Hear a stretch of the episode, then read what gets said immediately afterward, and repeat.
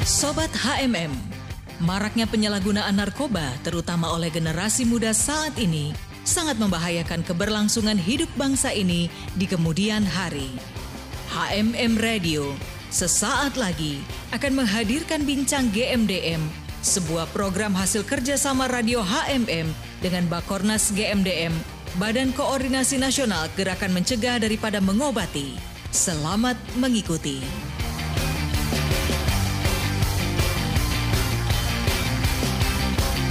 Dari kawasan Sentul Bogor, Indonesia, HMM Radio Praise and Worship in Unity. Shalom, Sobat HMM di mana pun Anda berada, senang sekali. Obed boleh kembali hadir untuk temani Anda dalam talk show dengan GMDM Garda Mencegah dan Mengobati. Nah, tentunya perbincangan hari ini tidak kalah menarik dengan perbincangan sebelumnya Sobat HMM. Jadi jangan ke mana-mana ya, stay tune on www.hmm-radio.net HMM Radio Praise and Worship in Unity dan kita akan dengarkan satu pujian berikut ini. Dampak negatif bagi pengguna narkoba terhadap anak-anak atau generasi muda adalah perubahan sikapnya, kepribadiannya, sering membolos, menurunnya kedisiplinan dan nilai-nilai pelajaran, dan menjadi mudah tersinggung, sering mengantuk, malas, dan tidak mempedulikan kesehatan diri sendiri.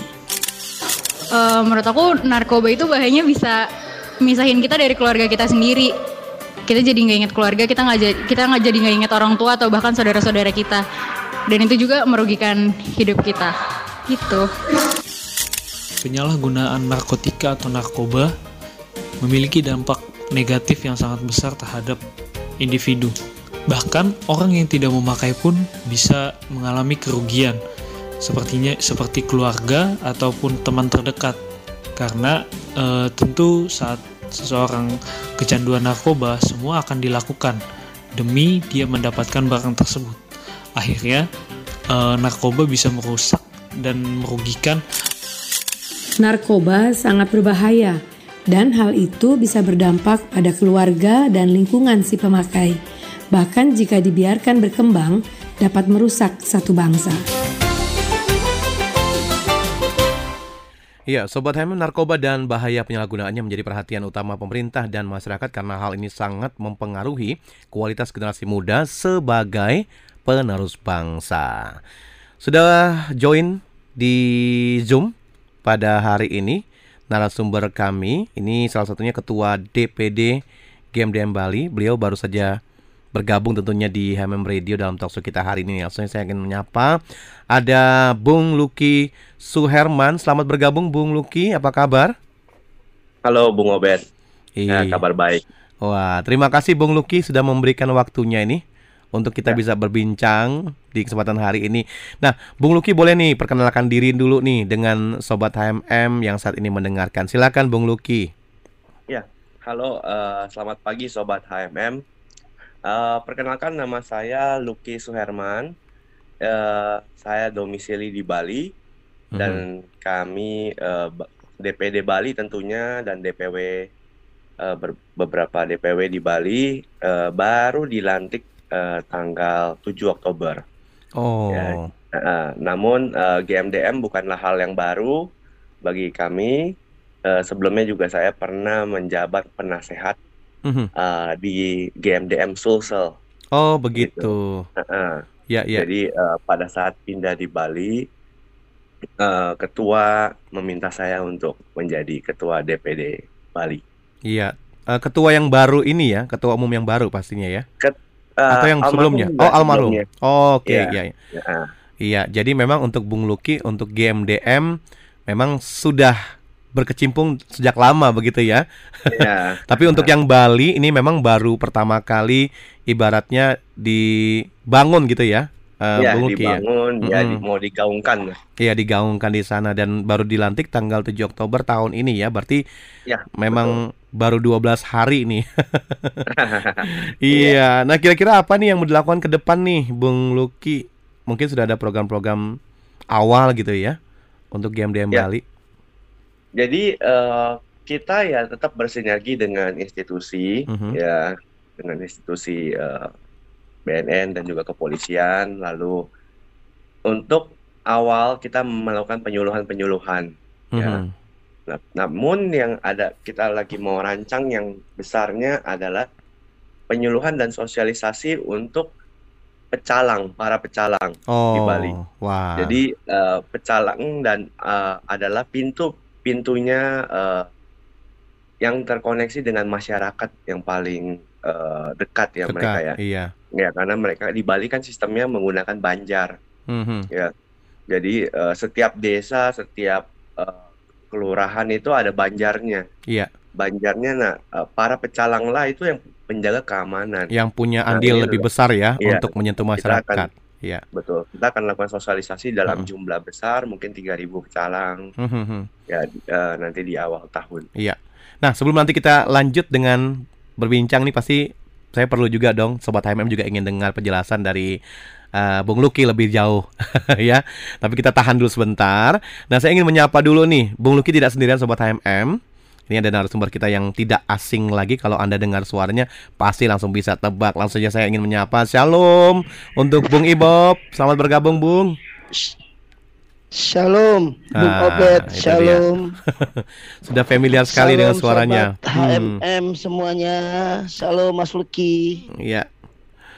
Bung Ibob, ini lagi di mana nih Bung Ibob nih? Lagi di rumah atau lagi Ya, masih saya lagi apa lagi bersama dengan teman-teman dan Mhm. sahabat gembala. ya? Lagi ada pertemuan Oh. jadi sekaligus, siaran radio. Iya. Untungnya kita bisa via Zoom ya Bung Ibob ya. Betul sekali. Iya, terima kasih Bung Ibob di tengah kesibukannya masih mau meluangkan waktu untuk kita sama-sama berbincang di talkshow hari ini. Sehat selalu Bung Ibob ya, tetap Siap semangat. sama-sama. Iya. Amin, Iya. amin, amin. Oke, saya kembali lagi ke Bung Luki, Bung Luki. Ini kan eh, Bung Luki dan juga Bung Ibob, ini tema kita hari ini kan mengenai bersatu mewujudkan Indonesia bersih narkoba. Nah, yang ingin saya tanyakan nih coba ke Bung Luki terus, apakah eh, hari-hari ini kita masih ada kesempatan nih untuk mewujudkan Indonesia bersih narkoba karena eh, beberapa sering kita eh, mendengarkan dan juga lakukan talk show di HMM Radio ini emang ada tuh data-data yang dikatakan bahwa penyebaran narkoba itu semakin hari semakin meningkat aja tuh. Bahkan pemakainya juga dilihat juga lumayan banyak apalagi pas pandemi. Nah gimana nih Bung Luki apakah eh tentunya kita semua baik GMDM dan juga aparat-aparat terkait masih bisa nih mewujudkan agar Indonesia ini benar-benar bersih nih dari narkoba? Silakan Bung Luki Ya, makasih Bung Obed. Ya, jadi eh, dalam rangka mewujudkan Indonesia bersih narkoba, ya tentunya memang ini banyak sekali yang bilang eh, rasanya mustahil atau eh, gimana ya, kayak kayak kerja sia-sia atau apa ya. Tapi menurut kami eh, semuanya itu tidak ada yang sia-sia ya. Apa pun Mhm. yang kita lakukan, apa pun yang teman-teman lakukan di GMDM itu pastinya eh, adalah seperti menebar bibit ya di dalam mereka mensosialisasi itu selalu menimbulkan kesadaran kesadaran Mhm. ya yang di mana nantinya hati nurani mereka jadi terbentuk begitu ya jadi Iya. pada saat mereka mau melakukan hal-hal aneh di di dalam narkoba mereka itu mengingat bahwa apa yang pernah mereka dengar apa yang mereka pernah saksikan gitu jadi Hmm. eh, mewujudkan Indonesia bersih narkoba bisa ya namun eh, semua masyarakat harus bersama-sama ya kesadarannya terutama itu Jadi masih ada harapan gitu ya, Bung Luki ya. masih masih ada harapan Hmm, iya menarik sih ini yang Bung Luki sampaikan. Nah, saya coba ke Bung Ibob nih dengan pertanyaan yang sama. Apakah masih bisa nih Bung Ibob mewujudkan Indonesia bersih narkoba? Sedangkan kita ketahui yang terlibat sekarang ini luar biasa nih Bung Ibob.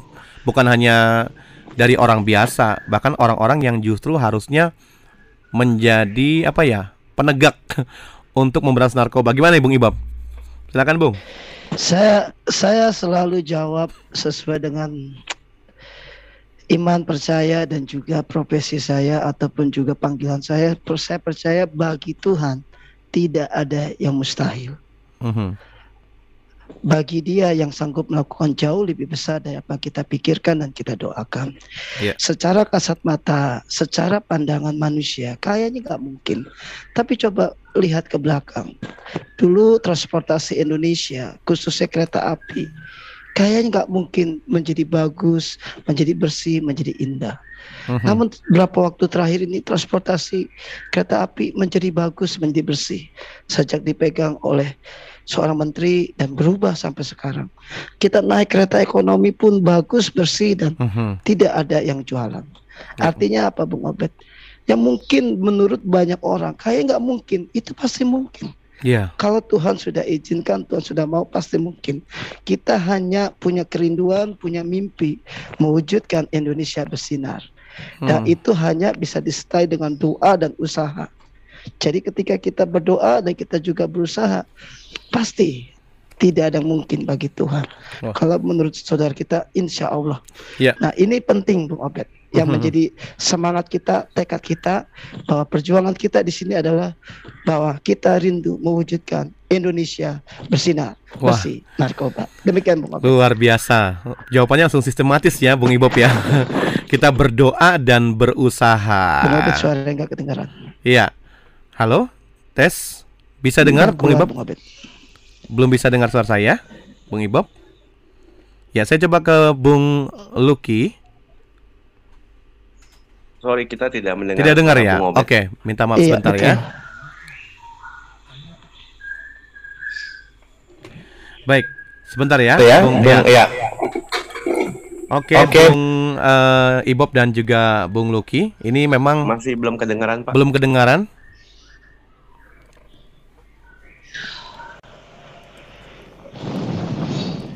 Iya, Ya, bisa dengar, bisa dengar suara saya? Oke. Ya, Bisa ya. Saya, Oke. oke. Baik, Baik, eh, eh, Bung, Bung Ibob dan, Bung Bung. Lucky, Ini ini jawabannya tadi jawabannya memang, memang, eh, dari Bung dari Ibob Bung Ibob berdoa dan berdoa dan berusaha. berusaha. Nah, saya Nah, coba saya coba kembali ke kembali Bung ke Bung dulu nih. dulu Bung nih, Lucky, Bung Lucky. kalau berdoa berdoa, kita udah kita tahu kan, kan, pasti pasti semua semua melakukannya. melakukannya. Nah, kalau untuk, Kalau untuk usaha, nih apa-apa saja yang bisa dilakukan untuk mewujudkan Indonesia bersih narkoba? Silahkan, Bung. Silakan, Bung. Ya, eh, tentunya kita masing-masing dari eh, keluarga dulu ya Pak ya, Bung Obed ya.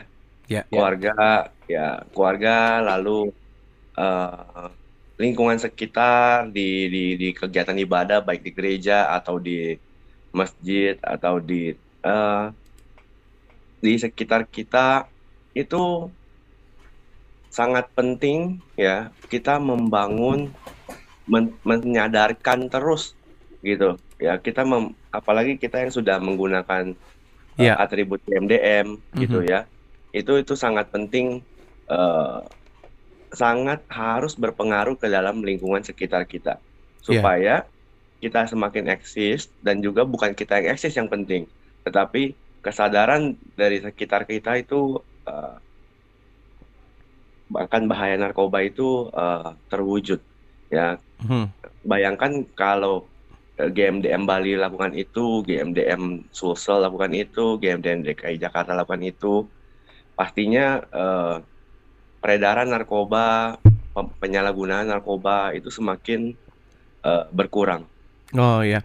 Nah, tadi kan sempat di awal perjumpaan kan Bung Luki sempat sampaikan untuk di Bali sendiri itu merangkul pecalang ya, benar ya? Iya, Pecalang, merangkul kemudian ya, Banjar itu desa ya, benar ya? Desa atau kampung begitu ya? Ya, Iya. eh, setiap desa ada banjarnya. Banjarnya. Oh, setiap desa ada banjarnya. Banjar ini seperti eh, apa ini?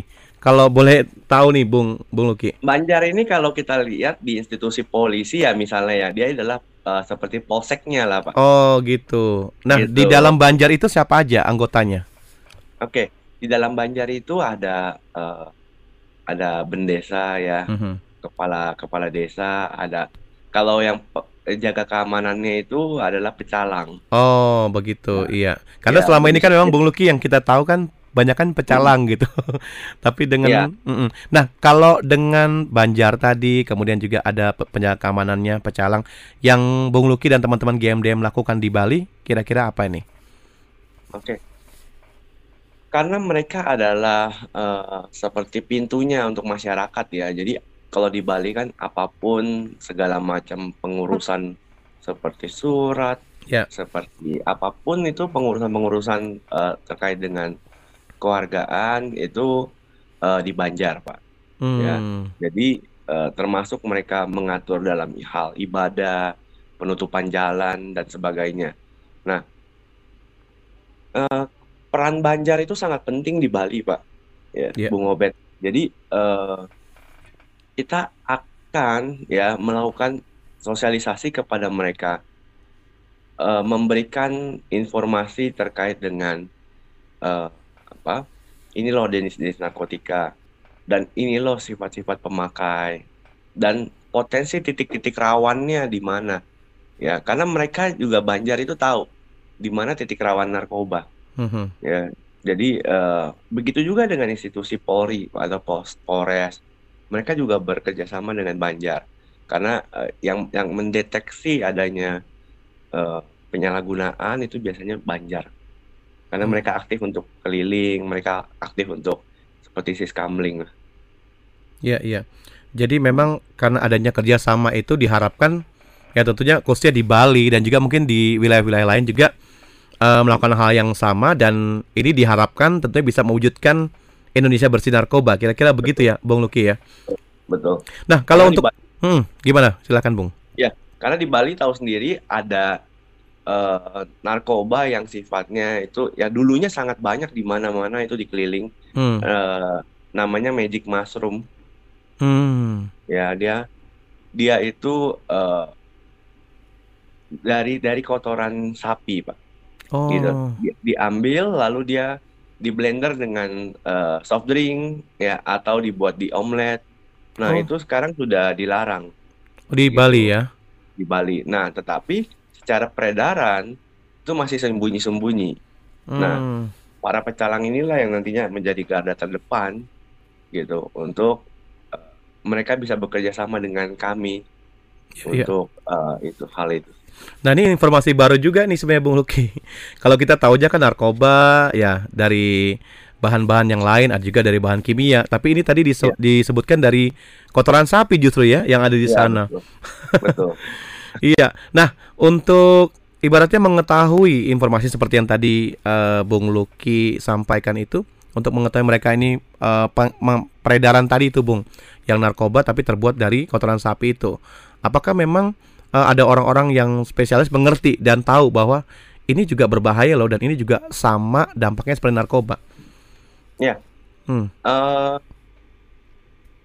di Bali kan sebenarnya dulu ya Pak di di di keli- di beberapa titik ya itu sangat jelas dijualnya terang-terangan magic mushroom magic mushroom Mhm. gitu. Jadi eh, setiap orang yang mau clubbing atau party mereka biasanya membeli magic mushroom dulu. Nah, Hmm. eh, sekarang sudah ada eh, undang-undangnya bahwa magic mushroom itu masuk kategori narkotika dan dia efeknya halusinasi ya sangat sangat berbahaya karena eh, kalau dia dia kalau lagi sedih kita akan sedih terus Oh, Gitu. gitu dampaknya ya.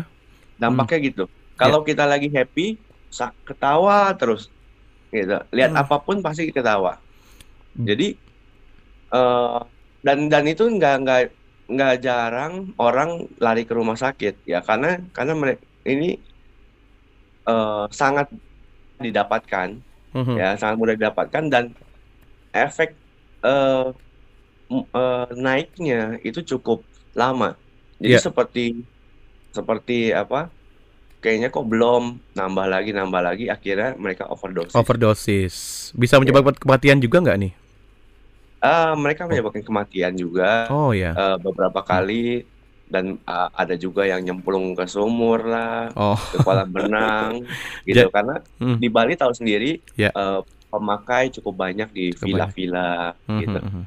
Iya, Bung Luki, sebelum kita lanjut dan juga sebelum saya nanti ke Bung Ibob, tentunya eh kita akan terus lanjutkan talk show kita pada hari ini dengan topik bersatu mewujudkan Indonesia bersih narkoba. Saya ingin menyapa dulu untuk beberapa pendengar kami. Eh, shalom untuk anda yang berada di Singapura, kemudian di Jerman, kemudian juga ada di London ya. Dan juga ada di United States, Virginia Ashburn, kemudian Rusia Moskow, dan juga untuk uh, ada di Taipei, Taiwan Taipei ya, City Taipei. Selamat mendengarkan Ham Radio dan untuk yang ada di Indonesia kami sapa saja untuk Anda yang berada di Jakarta, kemudian di Bogor, kemudian juga ada di Denpasar Bali, Surabaya, kemudian Banten dan Tangerang. Nah, sobat HMM sebelum kita lanjut talkshow kita hari ini bersama uh, Bung Luki dan juga Bung Ibob tentunya dengan topik yang menarik hari ini. Saya uh, kita izinkan dulu yang mau lewat berikut ini. Pemenang adalah juara, orang yang sudah berhasil mengalahkan orang lain dalam suatu pertandingan. Menurut saya, pemenang adalah seseorang yang berhasil mencapai suatu tujuan ataupun berhasil menaklukkan sesuatu. Arti pemenang menurut saya jika kita menyerahkan diri kepada Allah maka kita akan kuat sehingga kita dapat melawan iblis dan dia akan lari dari hadapan kita. Shalom, arti dari pemenang adalah menurut saya bahwa orang yang dapat melalui setiap rintangan atau tantangan yang ada di depannya sehingga dia mencapai satu tujuan yaitu finish strong. Jadi dia menang melalui segala apa pun yang dihadapi sehingga dia mencapai satu tujuan dan itu sampai dia berhasil. Amin. Ham Radio Praise and Worship in Unity kita masih bersama dalam talk show dengan Game Diam Garda Mencegah dan Mengobati dengan topik bersatu mewujudkan Indonesia bersih narkoba. Anda yang mendengarkan di uh, streaming, Anda mungkin ingin join di Zoom, bisa ya. Anda bisa langsung ketik saja meeting ID-nya di 848 194 20076 dengan passcode HMM Radio. Masih bersama Bung Luki dan juga Bung Ibob. Tadi Bung Luki sudah jelaskan mengenai Magic Mushroom yang beredar juga di Bali dan saat ini sudah dilarang. Jadi tentunya kerja keras semua pihak di sana untuk sama-sama mengawasi juga narkoba yang dibuat justru dari kotoran hewan tadi ya. Terima kasih Bung Luki informasinya. Nah, saya sekarang ke Bung Ibob dulu nih. Bung Ibob yang selalu setia juga. Ya, siap. Talkshow di HMM di tengah kesibukannya. Bung Ibob. Ya. Ini kan ini sebenarnya pertanyaan sederhana ini. Tugas hmm. siapa nih untuk mewujudkan Indonesia bersinar? Silakan, Bung. Ya, jawabannya adalah tugas kita semua warga negara Indonesia dan orang-orang yang mencintai dan mengasihi bangsa ini. Hmm. Ya, ya kita jadi tahu. Ya, uh, jadi kan tugas kita semua. Nah, kalau Betul. untuk bi apa lembaga seperti GMDM, kepolisian, ya, ya kan, Ya. aparat terkait ataupun Ya. vokan-vokan yang lain, pasti udah tahu nih melakukannya. Betul. Nah, untuk Betul. masyarakat itu bagaimana keterlibatannya, Bung Ibob? Ya, oke. Dimulai dari keluarga. Tadi seperti dikatakan Bro Lucky, dari keluarga kita sebagai orang tua, sebagai suami istri, kita sebagai papa mama, kita harus menyampaikan bahayanya penyalahgunaan narkoba kepada anak-anak kita. Dampak secara fisik atau psikis yang ada, bahkan juga secara hukum atau uh, uh, hukum ataupun pidana yang ada. Nah, ini mesti disampaikan. Kalau kamu pakai ini bahayanya begini, begini, begini, hukumannya begini, begini, begini. Sampaikan itu yang pertama. Lalu bagi pihak RT RW uh, Mhm. lingkungan kita masyarakat kita adalah bahkan termasuk karang turuna kita harus giat-giat menyampaikan juga tentang edukasi P4GN Mhm. peredaran penyalahgunaan narkoba ini kita sampaikan dengan uh, edukasi ataupun penyuluhan-penyuluhan bahayanya. Ini kalau kena fisik seperti apa, kena psikis seperti apa, ataupun juga uh, hukumannya seperti apa, sampaikan. Bukan kita takut-takutin, itu fakta, realitas sampaikan, sampaikan. Jadi uh, harus terbuka dengan hal ini. Baru yang berikutnya adalah jelas tentang seperti tadi ormas atau LSM LSM yang ada, uh, kita bisa masuk ke sekolah, kampus, kantor, komunitas, uh, tempat-tempat ibadah, kita bisa masuk, kita bersama-sama berpadu, uh, bersatu padu, bergotong royong sama-sama. Kita punya dari dulu adalah gotong royong. Indonesia ini terkenal gotong royong. Mhm. Bersama-sama, kalau bahasa kerennya sinergi. Kita harus bisa sinergi. Bahaya narkoba sekali lagi tadi dampaknya secara fisik seperti apa, secara mental atau psikis seperti apa, bahkan juga secara hukumannya seperti apa. Sampaikan Iya. bahaya-bahaya ini semua. Nah, baru yang terakhir kita minta kepada pemerintah dengan tegas untuk hukuman yang ada untuk bandar, untuk pengedar seperti apa, lalu untuk pemakai itu direhabilitasi. Nah, Mhm. hal-hal seperti ini yang harus ditegakkan dari rumah, lingkungan, lalu juga masyarakat luas, ormas LSM yang ada, bahkan juga eh, institusi pendidikan-pendidikan yang ada ataupun kerohanian, baru juga pemerintah dengan hukum yang jelas sehingga eh, semua bisa sesuai dengan apa yang kita rindukan mewujudkan Indonesia bersinar. Demikian Bung Obed. Iya, Bung Ibob. Kan tadi sempat disebutkan juga penyuluhan ke sekolah-sekolah ya, kemudian juga merangkul Ya. ormas-ormas yang ada untuk sama-sama juga mempelajari dan mendapatkan edukasi Ya. gitu ya untuk bahaya Ya. narkoba ini. Nah, sejauh ini dari pihak-pihak yang ibaratnya diberikan edukasi oleh tim GMDM gitu, bagaimana Hmm. mereka tanggapannya, Bung Ibob?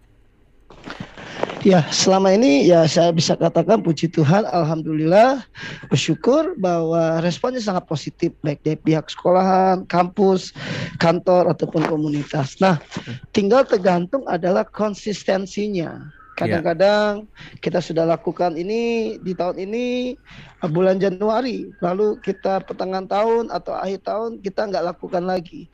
Ini kan terus menerus aka- maka suka ada kuartal ataupun ada semester.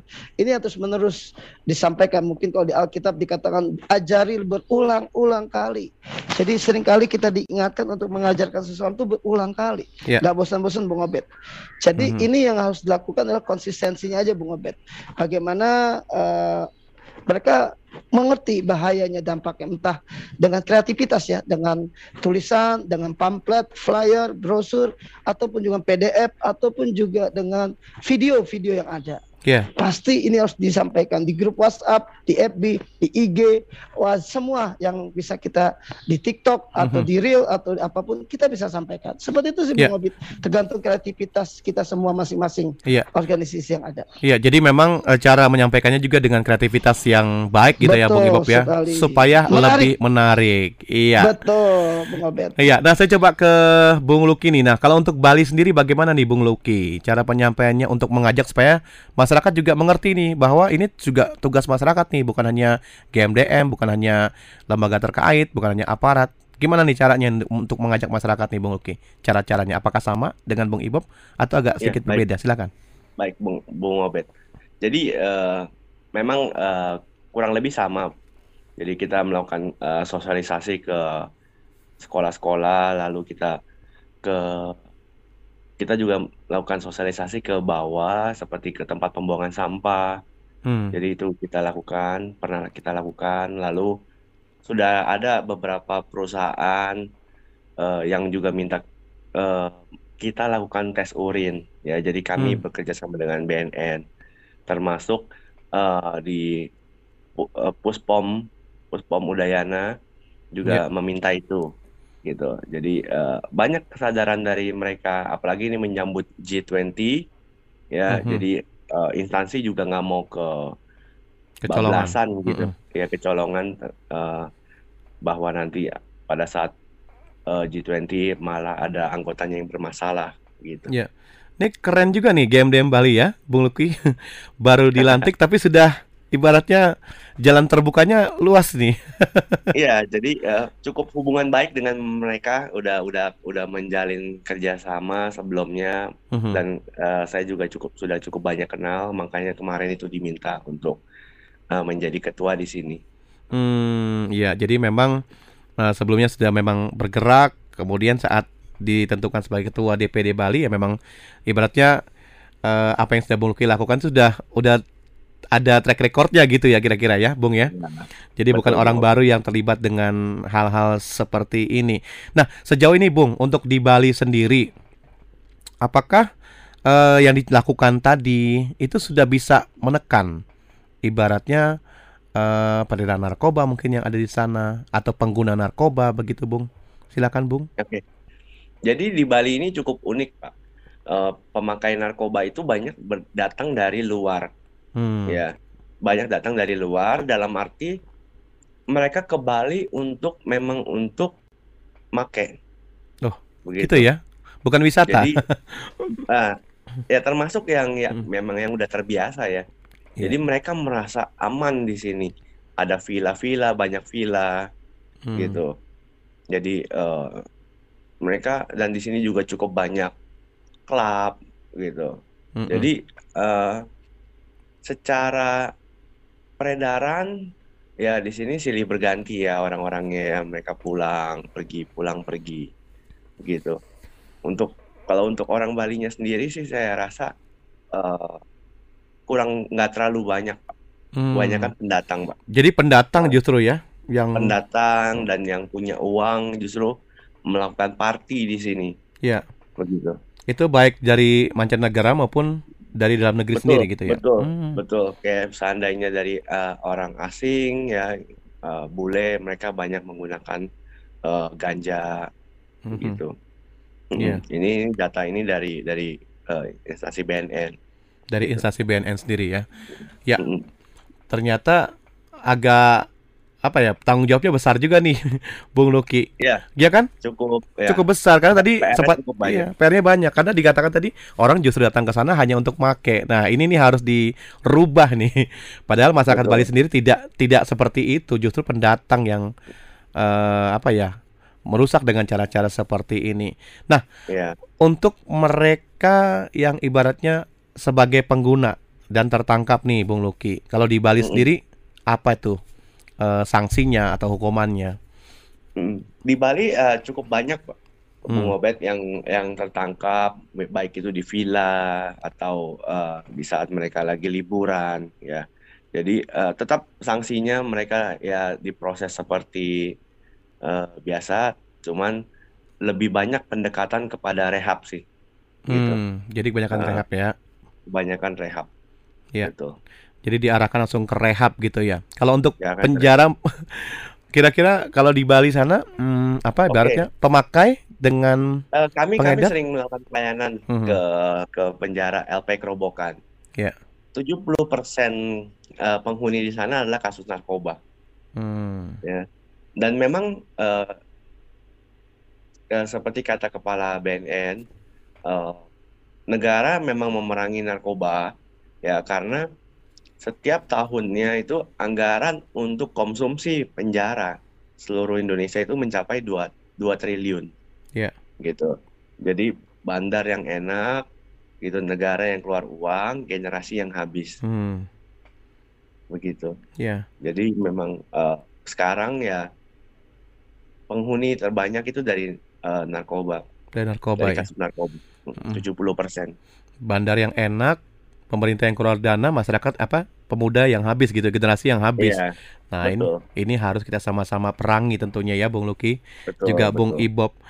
Nah, saya coba ke Bung Ibob nih sekarang nih. Bung Ibob, untuk mereka yang pernah terlibat dengan penyalahgunaan narkoba, kemudian mereka sudah direhabilitasi, sudah pulih lah istilahnya.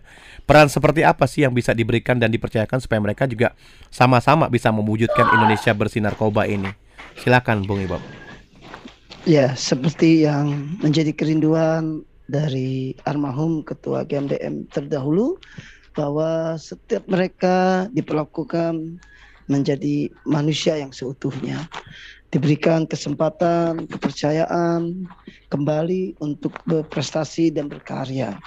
Jadi ketika dia balik dari rehab, uh, dia dibekali dengan uh, kemampuan-kemampuan atau skill-skill yang ada untuk dia bisa bekerja seperti orang pada umumnya. Mhm. Yang kedua adalah pihak keluarga harus menerima mereka dengan apa adanya dan mengasihi mereka dan mempercayai mereka. Seringkali mereka yang sudah pakai narkoba ini tidak dapat dipercayai ataupun tidak bisa mendapatkan kepercayaan lagi. Nah ini yang harus kita ubah. Jadi Iya. stigma negatif ini, stigma yang miring kita ubah.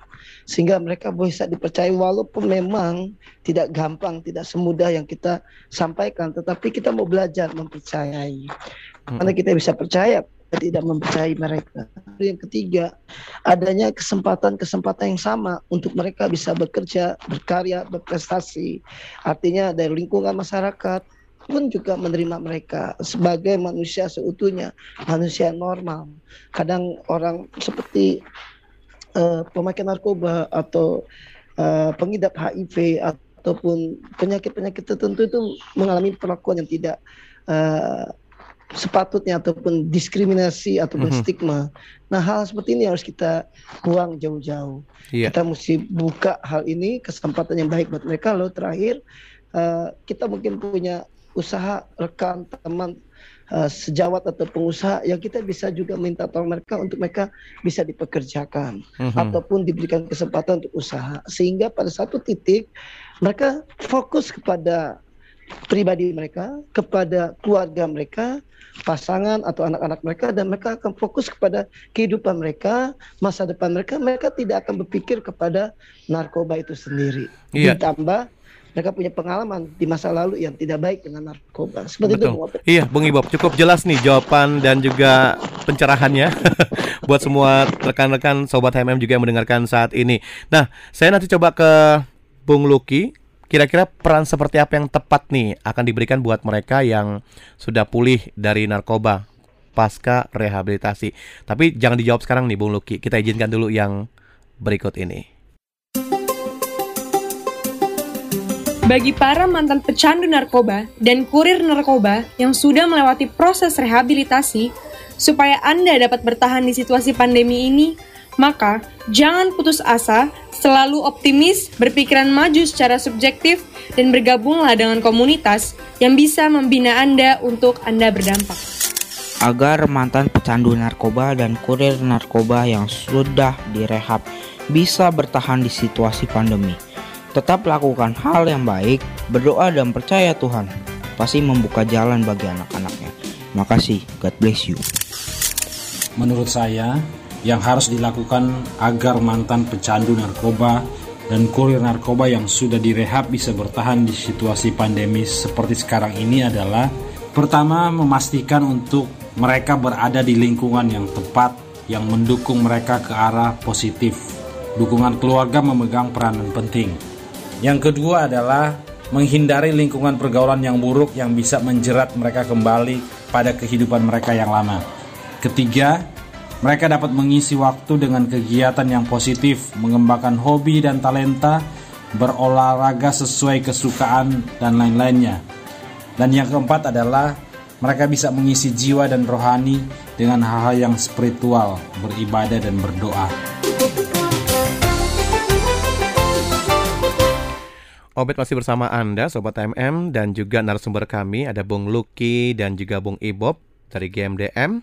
Bung Luki dari Game DM Bali Sobat HMM Dan kita masih membahas mengenai bersatu mewujudkan Indonesia bersih narkoba Nah sebelum menjawab yang tadi sempat saya tanyakan Bung Luki Saya coba ke Bung Luki dulu nih Bung kalau misalnya yang terlibat narkoba itu adalah mereka yang dari luar negeri Langsung bagaimana tuh Bung? Direhab dulu di Bali atau langsung dipulangkan? Oh baik Jadi uh, kalau di Bali sendiri banyak sekali rehabilitasi yang hmm. yang memang uh, yang pemilik rehabnya juga orang uh, asing Oh gitu dan ya. juga uh, apa dia punya pasien juga memang uh, orang-orang asing karena kan kalau orang lokal kadang keterbatasan bahasa Mhm. ya jadi uh, proses tetap sama proses tetap sama um, kalaupun uh, harus melakukan assessment ya assessment rehab Mhm. gitu. Jadi uh, antara mereka di penjara atau rehabilitasi. Oh. Proses uh, sama aja. Tetap sama ya, entah Tetap mereka uh, warga di situ ataupun dari luar ya. Betul. Nah, Betul. peran seperti apa nih Bung yang bisa yang tepat bisa diberikan kepada mereka yang mantan pengguna narkoba dan mereka ini kan korban juga ya, katanya begitu Mm-mm. kan menurut undang-undang. Nah, Mm-mm. kira-kira peran yang peran yang tepat diberikan kepada mereka kira-kira apa nih Bung? Oke. Jadi mereka kan para penyalahguna narkoba itu uh, biasanya merasa setelah mereka selesai itu mereka merasa kosong gitu, Mhm. hidupnya itu kosong. Iya. Ya, mereka hidupnya tidak berarti, mereka hidupnya uh, nggak tahu mau apa lagi gitu ya. Nah, eh, kami di GMDM Bali ya, ini kami memiliki beber- berbagai divisi, divisi kewirausahaan, divisi tata boga, divisi Hmm. eh, tata busana, Ya. pertanian dan olahraga, musik. Nah, ini semata-mata untuk nantinya ke depannya pada saat kami sudah menjadi eh, udah memiliki tempat rehabilitasi sendiri Iya. ya. Ini kami akan aktifkan semua ya kita akan memberikan mereka kertas kosong lagi Hmm. gitu. Ya, Apa sih dreamnya kamu? Gitu. Ya. Tulis di kertas itu. Hmm. Kalau dia pengen jadi atlet ya udah divisi olahraga jalan, temenin mereka lari di lapangan. Atau eh, kalau dia hobinya apa? Dia pengen usaha atau apa ya? Kami divisi wirausahaan ada. Jadi eh apa yang mereka merasa lagi kosong itu kita isi gitu Hmm, ya. Isi ya. nggak hanya dari eh, apa jasmani tetapi juga dan ditambah juga dengan rohaninya. Ya. Kami memiliki eh, lima divisi eh, lintas agama ya. Mhm. Ada eh, semua agama Semua kami agama ada ya. Ada ada kepala divisinya masing-masing. Mhm. Jadi untuk saat ini memang divisi ini baru disiapkan nih ya, Bung ya. Sudah disiapkan, Udah sudah siapkan. dilantik semua Heeh. ya. Tinggal Ah, bergeraknya begitu ya, berarti. tinggal bergerak eh, kami lagi menja membangun keeksisan kami di Bali Mhm. ya. Kalau sama institusi-institusi udah dikenal semua, sama ormas narkoba lain sudah dikenal. Ya, ya. Jadi tinggal kami menyasar ke masyarakat. Nah, tadi kan divisi ada divisi olahraga, kemudian divisi musik juga gitu ya, Bung ya, tata boga dan lain sebagainya. Ini akan bergerak saat nanti seperti tadi diberikan kertas kosong buat mereka penyalahguna narkoba yang sudah pulih, ditanya nih apa hobi kamu gitu ya. Nah, kira-kira eh, apakah ini juga menggandeng ahli yang memang pakar di bidangnya gitu, Bung? Iya, Mhm. eh, kita mengisi eh, semua semua divisi dengan pakar-pakarnya. Divisi Tata Boga, anggota kami kepala divisi Tata Boga itu adalah eksekutif chef dari Hotel Mulia Bali. Oh, gitu Ya, ya. jadi dia kepala kokinya di Hotel Mulia Bali, Mhm. gitu. Jadi memang eh, dan juga termasuk kalau yang musik itu memang pelatih pelatih musik, Musik ya. dan Hmm. juga eh, yang di bidang apa eh, olahraga juga itu eh, seorang coach. Hmm, Gitu. Jadi memang tenaga ahli ini memang bergabung di GMDM Ya. Bali gitu ya. Ya, jadi betul. oh, jadi memang ada orang-orang dan saat mereka selesai dilatih dan memang Ya. apa namanya mumpuni langsung disa- disalurkan gitu ya, Bung ya. Betul, betul. Jadi Hmm. kita isi-isinya juga orang-orang yang memang eh, cukup dikenal publik gitu. Iya, iya, iya. Nah, maaf nih Bung, agak agak sedikit mungkin rahasia tapi saya ingin tanya, kira-kira apa nih untungnya nih buat eh, GMDM Bali misalnya nih mereka sudah bagus nih dengan talenta kemampuan yang mereka miliki dan berhasil. Apakah harus ada timbang timbal baliknya ke GMDM Bali gitu, Bung, atau Gini. bagaimana nih? Semua yang bergabung ya di dalam GMDM Bali atau ormas sosial lah ya. eh, kita kita memang menyem- menye- menyampingkan dulu eh, segi keuntungan Mhm. ya karena karena juga ini juga bukan hal yang utama. Ya pertama adalah kuat Tuhan dulu kedua keluarga kita lalu ketiga adalah eh, organisasi ya. Nah tetapi eh, begini semua di sini memiliki satu visi misi bahwa generasi ke depan eh, anak-anak kita gitu. Ya. ini kita kita bekerja seperti untuk menabur bibit menabur benih begitu. Mhm. jadi eh, saya nggak nggak kebayang bah kalau seandainya anak saya nanti terkena narkoba Hmm, ya. begitu. Jadi kita eh, sebagai garda-garda dulu deh, ya Iya. kita kita sebagai garda bahwa kita bisa lakukan ini di dalam keluarga kita dan orang-orang sekitar kita. Mhm. Jadi intinya menyelamatkan dulu generasi, menyelamatkan juga orang-orang sekitar kita, begitu ya, Bung Luki ya. Betul. Wah, menarik nih eh, eh, tanggapannya, komentarnya, jawabannya cukup baik, Bung, dan membuka wawasan kita semua dan mengedukasi tentunya kita dan juga sobat MM yang mendengarkan. Nah, pengen berbincang lagi nih Bung Luki tapi waktunya membatasi kita nih Bung Luki.